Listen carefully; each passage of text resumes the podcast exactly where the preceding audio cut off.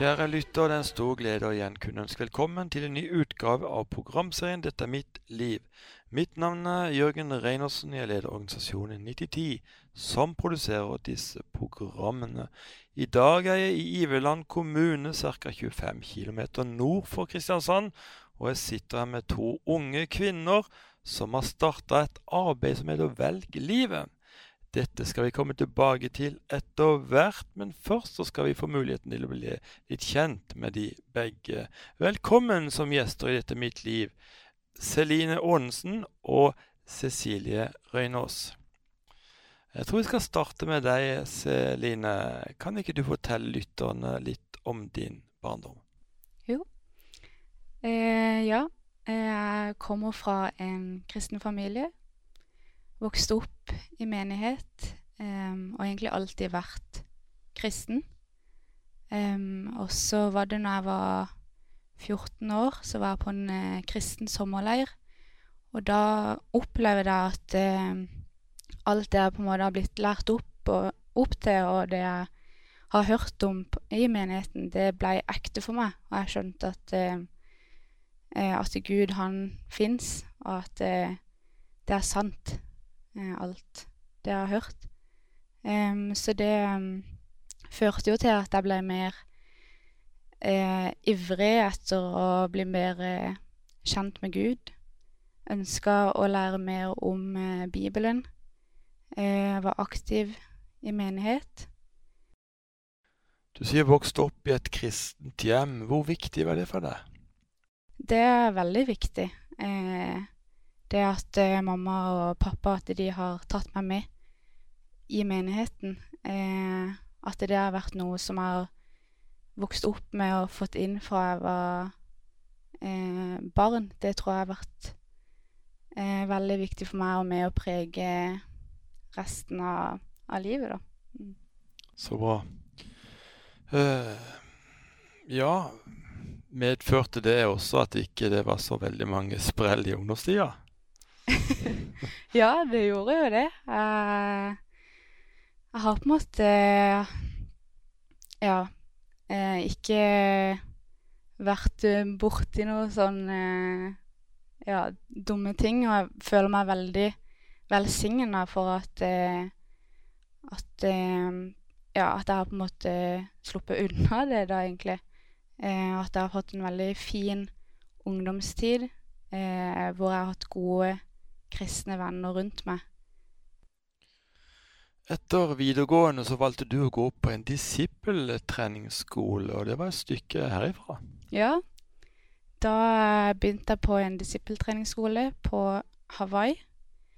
Og der var jeg i tre måneder, hvor det er undervisning. Og så var jeg tre måneder i, hvor man ble sendt ut da, på outreach, og da var jeg i Uganda. Um, og det Ja, det var utrolig krevende å flytte så langt vekk hjemmefra eh, til et annet land. Måtte prate engelsk. Um, men jeg tror det var veldig viktig for meg, da, for det gjorde at eh, Eller å sette av det året da, til å bruke enda mer tid i Guds ord. Det gjorde at jeg lærte mye mer om Han. Eh, og at det bygger et veldig sånn solid fundament for, eh, for livet videre. Mm. Senere så tok du sykepleierutdannelse. Ja. Betyr det at du er sykepleier nå, eller? Eh, ikke helt ferdig. Jeg har en eh, bacheloroppgave som jeg må skrive. Eh, men eh, ja, det er kun den igjen, da. Så den får jeg ta og skrive etter hvert. Mm. For et drøyt år siden så ble du gift. Det var vel stort? Det var stort. det var veldig fint. Kan du si litt om uh, bryllupsdagen? Ja, det var en veldig fin dag. Um, hvor uh, Ja, vi hadde masse gjester og fikk uh, feire den store dagen i vårt liv. Um, men det gikk jo veldig Det går jo så i ett. Eh, så det var veldig mange inntrykk. Men eh, ja, veldig eh, takknemlig for eh, å ha så en så fin mann, og eh, alle som ville være med og feire den dagen, da. Mm. Etter den store dagen så går det ca. et halvt år, og så får du en tøff beskjed fra helsevesenet. Ja. Eh, jeg fikk eh, beskjed om at eh, jeg var syk med kreft. Og det var en veldig tøff beskjed å få. Um, ja, veldig mye bekymringer og frykt, for kreft er jo et veldig skummelt ord. Eh, man tenker jo ofte det verste når man hører det ordet. Eh, så da måtte jeg begynne på cellegiftbehandling em, det neste halve året. Ja, så det var en veldig vært et veldig krevende halvår. Ja, så ung som det du er, og så få den diagnosen eh, spesielt. Veldig. Mm. Mm. Men eh, du sitter og smiler til meg nå. Hva har skjedd? Eh, nå er jeg jo frisk, eh, så jeg er veldig takknemlig for det. Og at eh, vi har den behandlinga i dag. Eh, og at jeg har fått så god hjelp eh, gjennom den perioden. Hva tenkte du eh, om Gud når du fikk denne beskjeden om at du har fått kreft? Eh, jeg tenkte jo at eh, Gud har kontroll. Så jeg var egentlig Jeg var aldri liksom sint på Gud eller ja, irritert på han. Men mer at eh, nå kan jeg ikke noe annet enn å stole på Gud. Eh, når man får en sånn beskjed, så blir man jo veldig redd. Og jeg ja, frykta på en måte det verste da i starten. Eh, og da eh, Å kunne liksom komme til en til Gud, da, og som alltid er trofast, og, em, og gå med oss i alt, da, det var veldig, veldig godt. Nå går du på bibelskole også. Ja. Da, nå har jeg begynt på andreåret på Philadelphia bibelskole Kristiansand. i Kristiansand. Mhm. Mm. Og så skal jeg i tillegg skrive bacheloroppgaven etter hvert, og fullføre sykepleien. Em, men jeg tror at eh, Ja, jeg følte at jeg ble litt leda til bibelskolen, da, så jeg tror eh, Gud kan gjøre mer enn det jeg tenker sjøl dette året.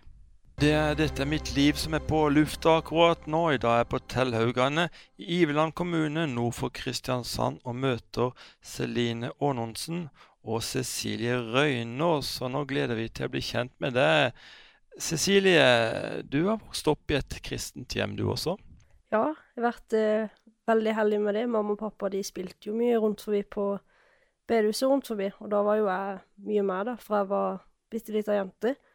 Og det var jo faktisk sånn, eh, sånn jeg ble frelst sjøl òg, av å være på et av de møtene som de spilte, der Gud møtte meg, uforberedt. Så det har betydd mye for meg at jeg fikk lov til å være en del av det. Hvor gammel var du da?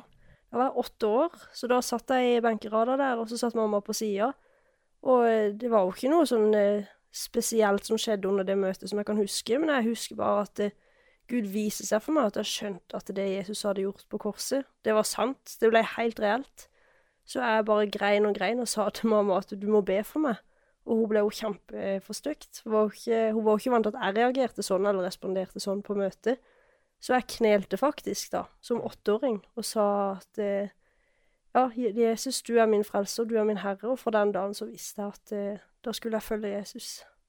Og det har du gjort? Det har jeg gjort. Han har vært trofast og holdt meg nær. Det er han, ja. Ja, Nydelig.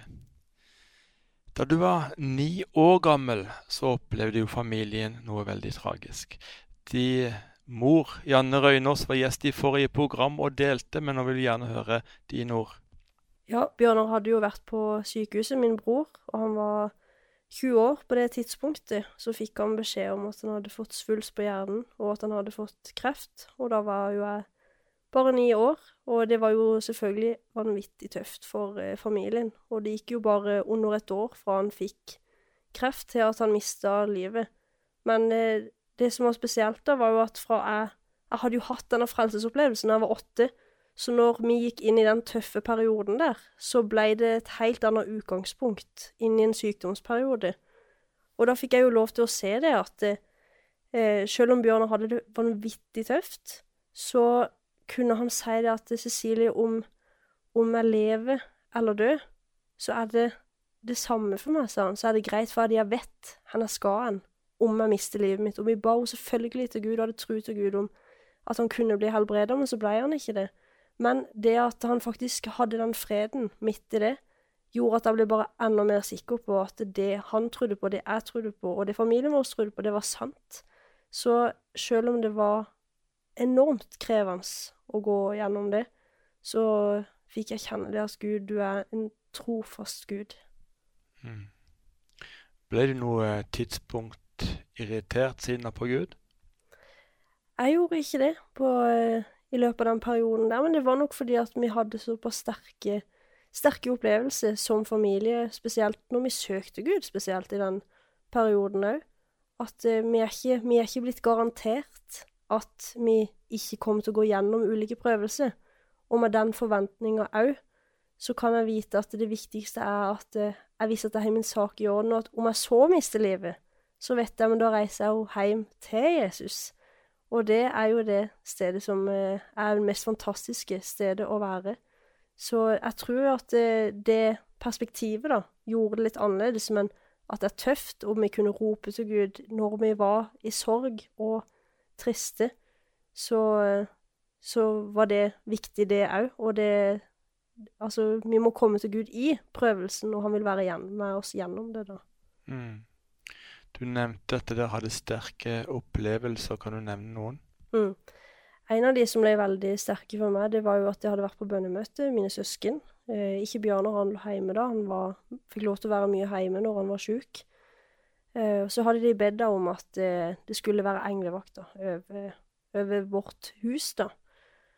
Og på vei eh, hjem fra bønnemøtet så hadde mine søsken sett et rødt lys da, som var over himmelen. Eller over huset vårt, da, som var på himmelen. Og når de kom inn, så gikk de inn og fortalte dette til Bjørnar, da, men da satt jeg aleine inne i stua, og plutselig så fikk jeg høre noe som, noen som sang, et kor. Og så, som Det var sånn o-ing da, som bare ble sterkere og sterkere, som bare gikk igjen og igjen. Og jeg, hadde jo ikke, jeg visste jo ikke hva dette var for noe, så jeg begynte jo å se er det noe ut forbi, er er det noe som skjer? Men eh, det var jo ingenting, det var jo helt mørkt, det var jo ingen biler her. og det var ingenting som sto på som gjorde at jeg kunne høre noe lyd, og det ble bare mer og mer intenst. Og da begynte jeg å grine, så sprang jeg inn på soverommet, så sa jeg til mamma di at englene er her og synger. Og jeg jo, visste jo ikke at det gikk an engang, at englene kunne komme her og synge. Men da visste jo de at det var sant, for de hadde jo sett dette lyset, og de hadde bedt om dette på bønnemøtet. Og det sa Bjørnar, at Cecilie aldri la noen ta eh, det med englene fra deg, Cecilie. Så det var en måte Gud viste at han var der. Han så oss. Mm. Veldig sterkt. Du var tidlig aktiv i ungdomsmiljøet i pinsemenigheten Philadelphia Vennesla. Fortell. Ja, det ble veldig viktig for meg, spesielt etter at vi mista Bjørnar. Så var det jo veldig vanlig at folk når de var 12-13, så skulle jo alle på ungdomsklubb og henge med venner. Men for meg så ble det mindre og mindre viktig, egentlig, for jeg trengte noe annet. Jeg trengte noe som var stabilt i livet mitt, noe som var mer sikkert, noe som ga meg noe mer, da. Og da ble det jo Guds ord, for det, det var det jeg hadde holdt meg til når Bjørnar var sjuk. Så da ble det Altså, hadde jo ikke noe Jeg var jo yngst av alle som gikk på ungdomsmøte, tolv år, liksom. De fleste var jo ungdomsskolealder når de begynte der. Så da, ble, da var det forkynnelsen, da, som var viktig. Forkynnelsen av Guds ord ble kjempesentralt for meg, og det var det som gjorde at jeg ble utrusta når jeg da kom på eh, skolen igjen og kunne svare på spørsmål. Og jeg fikk jo oppleve masse med Gud på disse møtene. Det var jo forbønn, og vi ble bedt for, og Men ikke minst at jeg fikk et Ja, det personlige forholdet jeg hadde til Gud fra da jeg var liten, ble enda mer sånn grunnfesta i Guds ord og i hvem Gud var. Mm. Eh, du forteller om sterke opplevelser. Har du et eksempel? Ja, jeg tror nok kanskje det var mest under, eh, under forbønn, egentlig. Men mer det at, eh, at det å kunne se at Guds ord, det er noe som er holdbart, da. Det er noe som er verdt å stole på.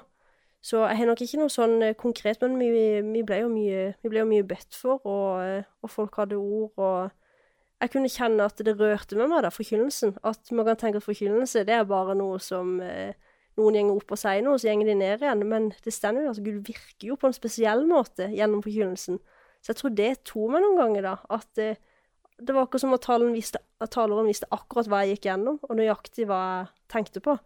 Men det er jo bare Gud som virker sånn, da. Det er sånn han har ordna det. Så det, det har vært sterkt mange ganger. Mm, fantastisk.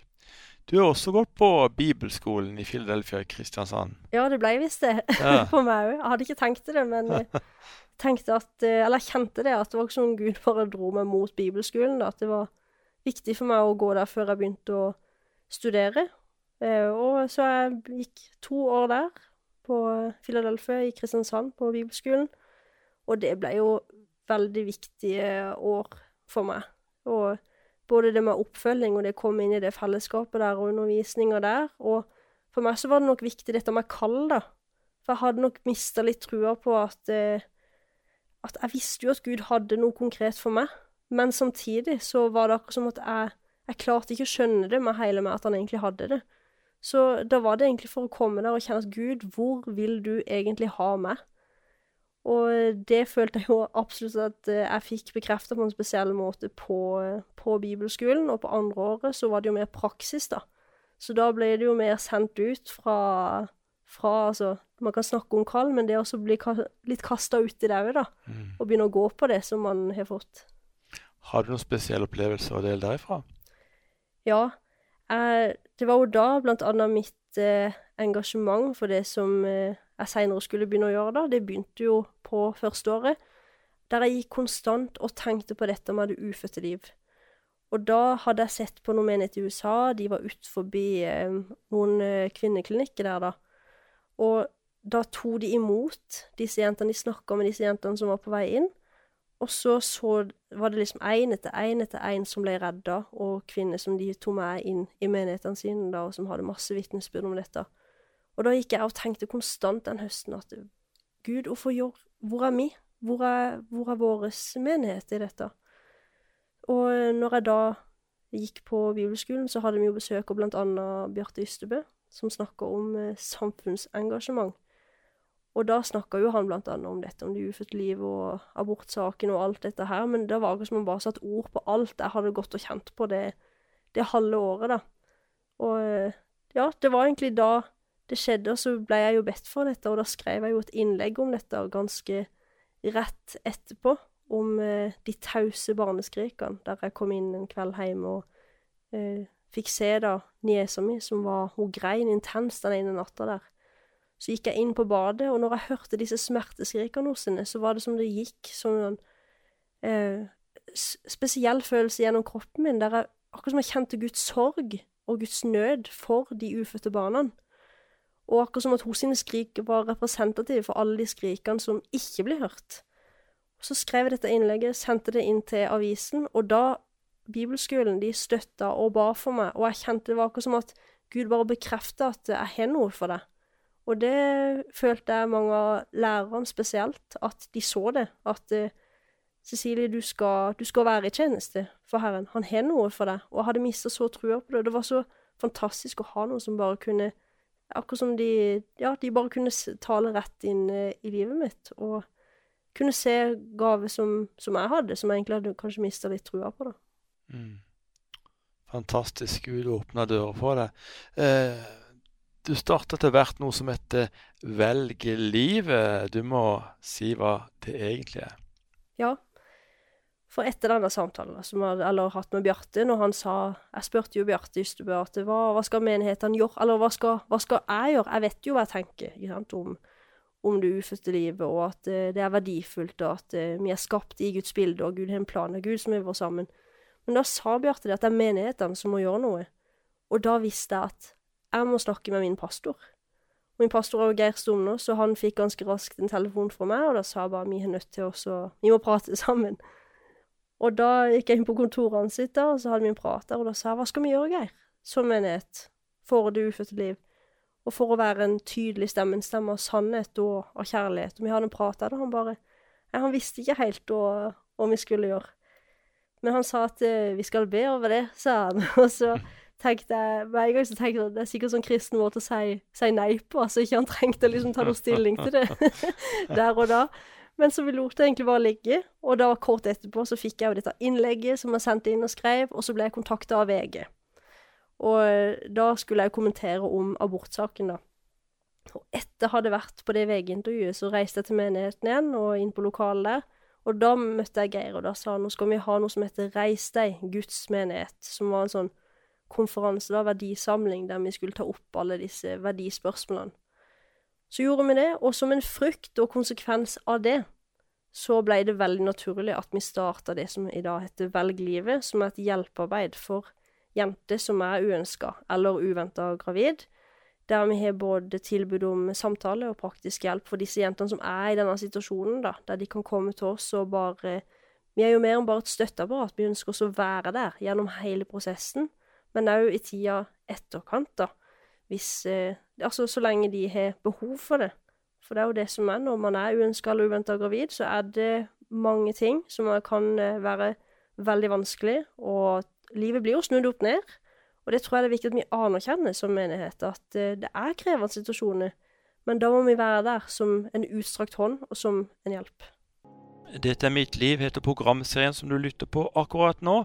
Dagens gjester er Celine Aanonsen og Cecilie Røyner. Så vi har hørt fra deres trosreiser, og nå skal vi få høre om et hjelpearbeid som dere begge er engasjert i, som heter Velg livet. Ja, hvordan starta du dette arbeidet, Cecilie? Nei, det var jo egentlig via samtaler med, med Geir, som er, Geir Stoner, som er pastor i menigheten først og fremst. Philadelphia Venstre. Ja, Philadelphia Venstre, fordi at det var viktig for oss, da. At eh, dette var noe som menigheten skulle gjøre sammen. Og det har vi følt veldig støtte på, både inne på bønnemøtene i menigheten, at dette er noe som menigheten sender sammen om. Men Etterpå det da, så var det jo å ta litt kontakt med hvem i menigheten er det naturlig å, å kontakte, som kunne tenke seg å være med i et sånn arbeid. Så det var jo egentlig litt sånn, å bare ta noen telefoner og prate. Så var det bare å legge ut dette telefonnummeret, telefonnummeret i begynnelsen, da, for å bare få det i gang, og så tok vi det derifra. Hvordan møter dere unge jenter som er blitt uønska gravide? Vi har jo tilbud via samtale og praktisk hjelp. Og så kan vi jo bli kontakta via sånn anonym chat som vi har ute på nettsida. Og så har vi jo ja, flyers da som vi deler ut, og men òg at folk kan ja, ringe inn til nummer eller kontaktes via e-post. Så det er jo sånn vi er tilgjengelige, og så kan folk komme og møte oss da om de, om de ønsker oss å treffe oss, og med oppfølging. Og da er det jo egentlig bare at kan, disse jentene kan dele og ha et sted å komme til. For er du uønska eller uventa gravid, så er du kanskje aleine òg i situasjonen. Og sier du da er student i byen, og ikke har noen du kjenner, og kanskje ikke nærmest familie der, så ønsker vi å være de personene der, der man bare kan komme og dele alt. Både ting som er godt, men òg alle de tingene som er krevende, da, og kjenne at man, man blir forstått. Og der man egentlig bare kan fortelle, og hva, som, hva er det man eh, bekymrer seg over, og samtidig òg kan vi finne ut av hva kan vi, hva kan vi hjelpe med, da. Mm. Eh, kan dere også tilby praktisk hjelp? Ja, vi kan det. Eh, vi ønsker jo egentlig bare å, å, å, spørre de hva er det de ønsker hjelp til. Så vil vi være der for de. Så om det er praktisk hjelp, så vil vi jo mer enn gjerne Mm. Eh, være der for de, om det er barnepass, om det er eh, de trenger økonomisk hjelp. Eh, ja, hva er det enn ja. det må være. Så. Det kan jo være et sted å bo òg, eksempel. Mm. At uh, man vet ikke hvor man skal flytte, eller hva skal man gjøre med utdanninga. Alt det blir satt på vent. Og så har vi noen i, som er i teamet vårt, og som jobber innenfor økonomi, som er flink på dette med planlegging da, innenfor økonomi. Og det kan jo være en bekymring for, uh, for mange i, i en sånn situasjon. da. Hvor mange medarbeidere er der i Velg livet? Seks. Vi er seks stykk. Mm. Så arbeidsfordeling er at noen har ansvar for visse områder, mens andre kanskje mer har for samtale, eller hva det måtte være. Ja. Vi er jo, vi er jo en forskjellig, forskjellig gjeng, og det er bra. Og vi er i ulike aldre òg. Så det kommer jo veldig an på hva de som tar kontakt, hva er det de trenger. Og det er det som er bra, da, at vi er forskjellige i, i den gruppa, hva vi kan eh, bidra med. Noen er allerede foreldre og kjenner til den. og noen av oss er litt yngre igjen og kan kanskje være en venninne i en uh, situasjon. Og så er det noen som er mer ansvar for den kreative delen, og noen er kanskje veldig flinke praktiske. Det, hvis det er handling, eksempel, de bare ordner alt sånn med, med en gang. Mens noen er, er mer komfortable med den samtalebiten, da. Det er jo ganske nystarta. Har dere fått mange henvendelser?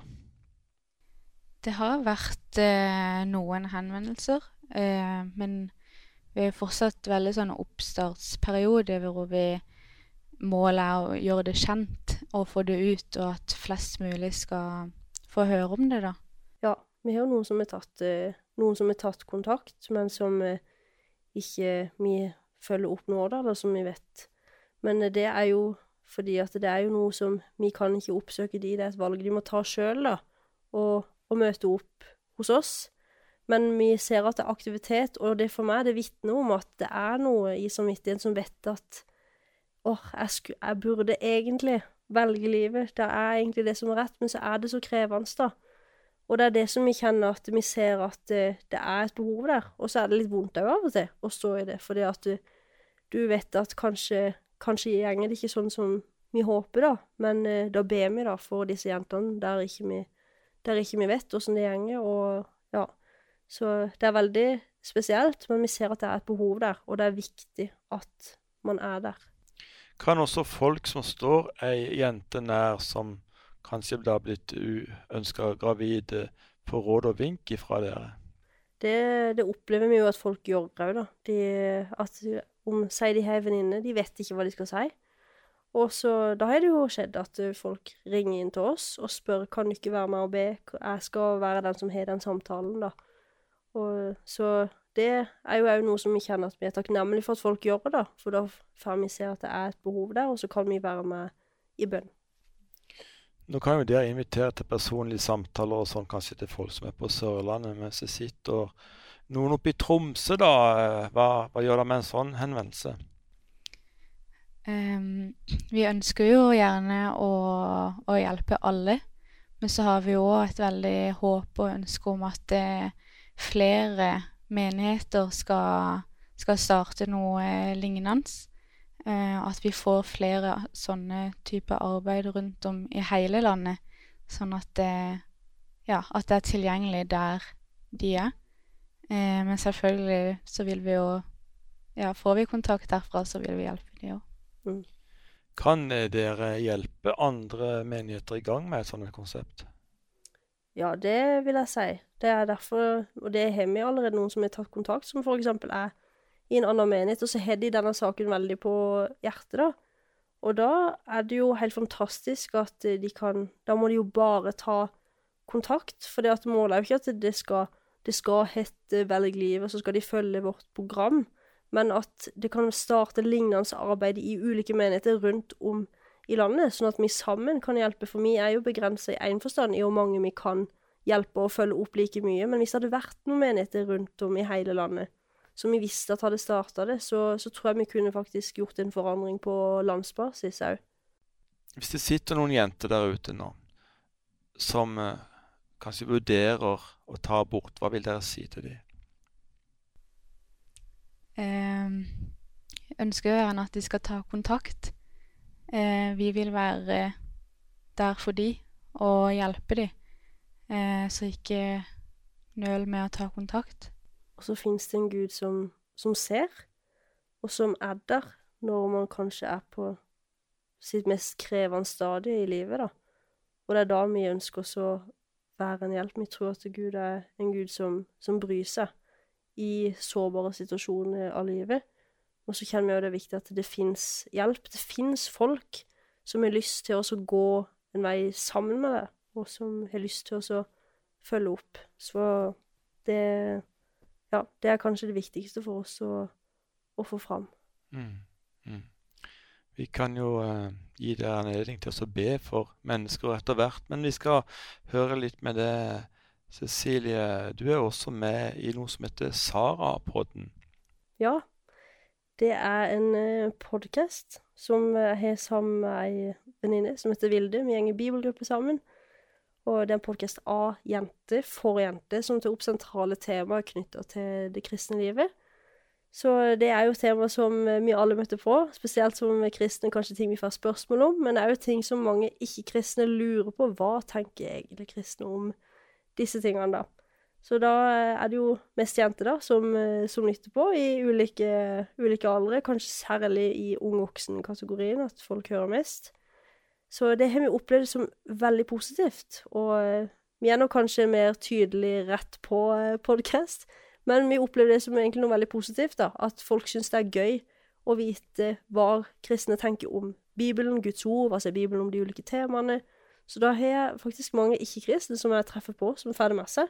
Som kjenner henne og vil ta en uh, prat, fordi at de, de syns jo det er gøy at noen tør å prate om det.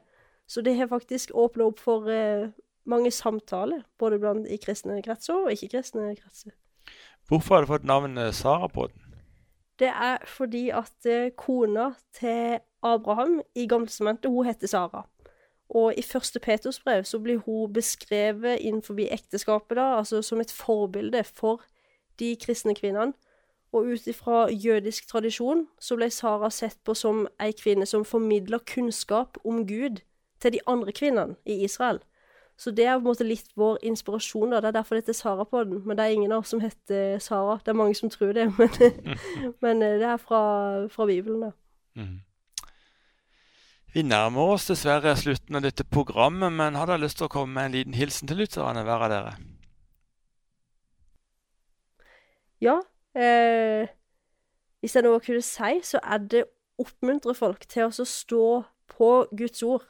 Jeg tror at uh, uansett hvor vi er hen i livet, vi har forskjellige kall, vi har forskjellige tjenester, forskjellige ting vi skal gjøre i livet. Og òg hvis det er noen som ikke er, ikke er frelst, da, søk inn i Guds ord, for det er så fantastisk å ha det fundamentet i livet. På alle, altså alle faser av livet så kan det alltid gå tilbake i Guds ord om uh, man er åtte eller tolv eller 80 eller 60, ikke. Så, så er det så fantastisk at det er på den måten jeg kan få lov til å bli kjent med Gud. Det er ikke bare noe som er dødt eller tørt å lese, men det er noe som er levende og virker kraftig. Så, ja. ja. Jeg vil da følge litt opp på den at hvis det er noen som ikke eh, kjenner Gud eller ikke er kristne, at, eh, at eh, ja, ta et valg i dag. Du vet ikke hva som skjer i morgen. Eh, og det at eh, ja, at vi har en Gud som eh, kan gi evig liv. At Eh, velger han i dag. Vil dere også be en bønn for lytterne? Ja, jeg kan ta så be en bønn. Kjære himmelske Far, takker deg for at uh, du er en Gud som ser. Du er en uh, Gud som, som, bryr seg. Jeg takker deg for at, uh, at du ga ditt liv for oss, og at gjennom det som du gjorde på korset, Jesus, så kan vi få lov til å bli kjent med deg, så kan vi få lov til å kjenne deg. Jeg ber for enhver som lytter på, Herre, at de skal få lov til å kjenne din nærhet, din kjærlighet, at du, at du elsker dem, og eh, at du kaller på det, Herre. Hvis det er noen som er på avstand, som har gått vekk fra deg, Herre, at du må bare kalle på det og takke deg for at du, du er der, og må du bare fylle, fylle opp hvert et hjerte med omsorg, med frimodighet, med styrke og med din godhet, Herre. Jesu navn, amen. Jeg takker deg, Herre, for um, alle de som har hørt på i dag. Jeg ber om at du skal møte hver enkelt. Jeg ber, Herre, om at du skal dra på hjertene sine, at du kaller dem til deg. Og jeg ber, Herre, om at hvis det er noen som ikke kjenner deg, at, eh, at de, de, skal bli frelst i dag, Herre. At de kan bli kjent med hvem du er, at du er en god og kjærlig Gud, Herre. Og at eh, ja, at de skal ta imot deg i dag. Så jeg ber om at eh, du skal gå med de som hører på i denne uka. Jeg ber om at du skal velsigne dem. Og jeg takker deg for at for at du alltid er trofast, Herre. Amen. Amen, amen. Celine Aanonsen og Cecilie Røynås, hjertelig takk skal dere ha, for dere takker ja til å være med i dette programmet, at dere har delt deres trosreiser, og for at dere bruker tid og ressurser på å redde enda flere ufødte liv. Må Gud rikelig velsigne dere og den tjenesten dere står i i årene fremover. Kjære lytter, mer informasjon om Velg livet finnes på Philadelphia Vennesla sin hjemmeside. Om du er uønsket gravid og ønsker råd eller veiledning, eller om du har latt deg inspirere og kan tenke deg å starte et lignende arbeid der hvor du bor, ikke nøl med å gå inn på philadelphiavennesla.no. Velg Gud i dag, oppfordret disse unge kvinnene. Mulig du har tenkt at du senere i livet skal ta et valg om å følge Gud. Eller kanskje du tenker at det er så mye å gi avkall på hvis du skulle bli en kristen. Men dette er å snu tingene på hodet. Det er når du blir en kristen du virkelig kan begynne å leve livet med stor L. Og da vil du også oppleve at Gud er med deg gjennom alle livets stormer. Som du vil ta imot Jesus som din frelser, kan du be denne bønnen etter meg. Jesus, jeg kommer til deg nå slik som jeg er. Tilgi meg for mine synder. Jeg tar imot deg som min Herre og min Frelser i livet. Takk at jeg nå er et Guds barn, fordi ditt ord sier det. Vi vil veldig gjerne komme i kontakt med deg som ba denne bønnen, slik at vi kan sende deg en gratis bibel sammen med litt annen litteratur. Mitt navn er Jørgen Reinersen, og du finner meg på Facebook. Eller så kan du kontakte oss via vår hjemmeside 9010.no, altså nitti10.no. Her finnes også en rekke videoer fra våre arrangementer som du kan kose deg med. Nå er denne serien som heter Dette er mitt liv, også tilgjengelig på Podbean og Spotify, så etter at programmene er blitt sendt på radio, kan du lytte når du måtte ønske. Informer veldig gjerne dine venner og bekjente om dette. Vi tror det kan bli mange gode og viktige samtaler i etterkant av disse programmene. La meg avslutningsvis lese noen bibelvers for deg. Jeg leser i Hverdagsbibelen fra Matteus kapittel 20 vers 29 31. Da de gikk fra Jeriko, fulgte det fortsatt en stor folkemengde etter dem. Langs veien satt det to blinde menn. Da de fikk høre at Jesus gikk forbi, ropte de ut og sa, Hjelp oss, Herre, ha barmhjertighet med oss. Mange snakket strengt til dem og ba dem være stille, men da ropte de bare enda høyere, Hjelp oss, Herre, vær god mot oss. Da Jesus hørte dem, stoppet han opp og sa til dem, Hva vil dere at jeg skal gjøre for dere? De svarte, Vi vil kunne se. Jesus synes inderlig synd på dem og han rørte ved øynene deres. I samme øyeblikk kunne de se. De reiste seg opp og fulgte etter Jesus. Disse blinde mennene ville ikke slutte med å rope.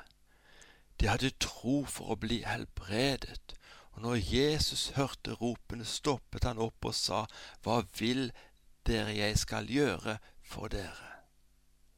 Og nå vil jeg spørre deg, kjære lytter, hva vil du Jesus skal gjøre for deg? Er du syk? Har du smerter eller betennelser? Eller er du i en fortvilet situasjon? Ja, da vil jeg gjerne benytte denne anledningen til å be en bønn for deg. Kjære Gud, vi kommer til deg i Jesu navn.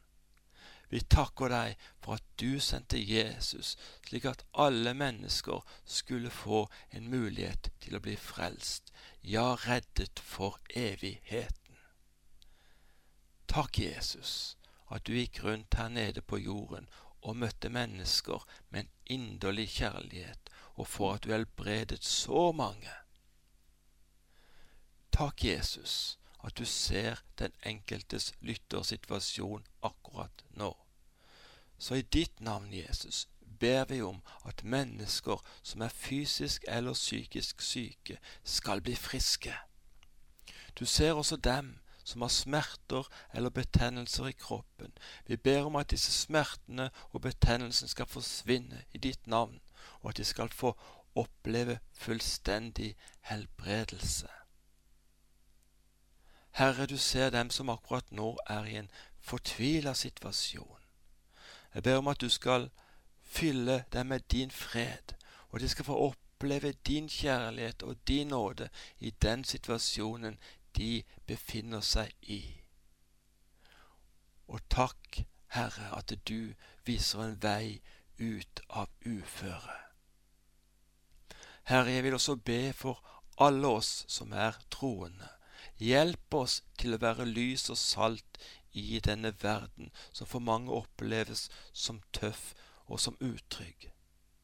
Hjelp oss å skinne for deg og gi oss frimodighet til å bringe ut evangeliet, de gode nyhetene, til menneskene rundt oss.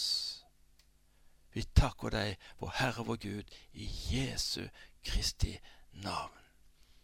Amen. Husk, kjære lytter, du er høyt elsket av Gud.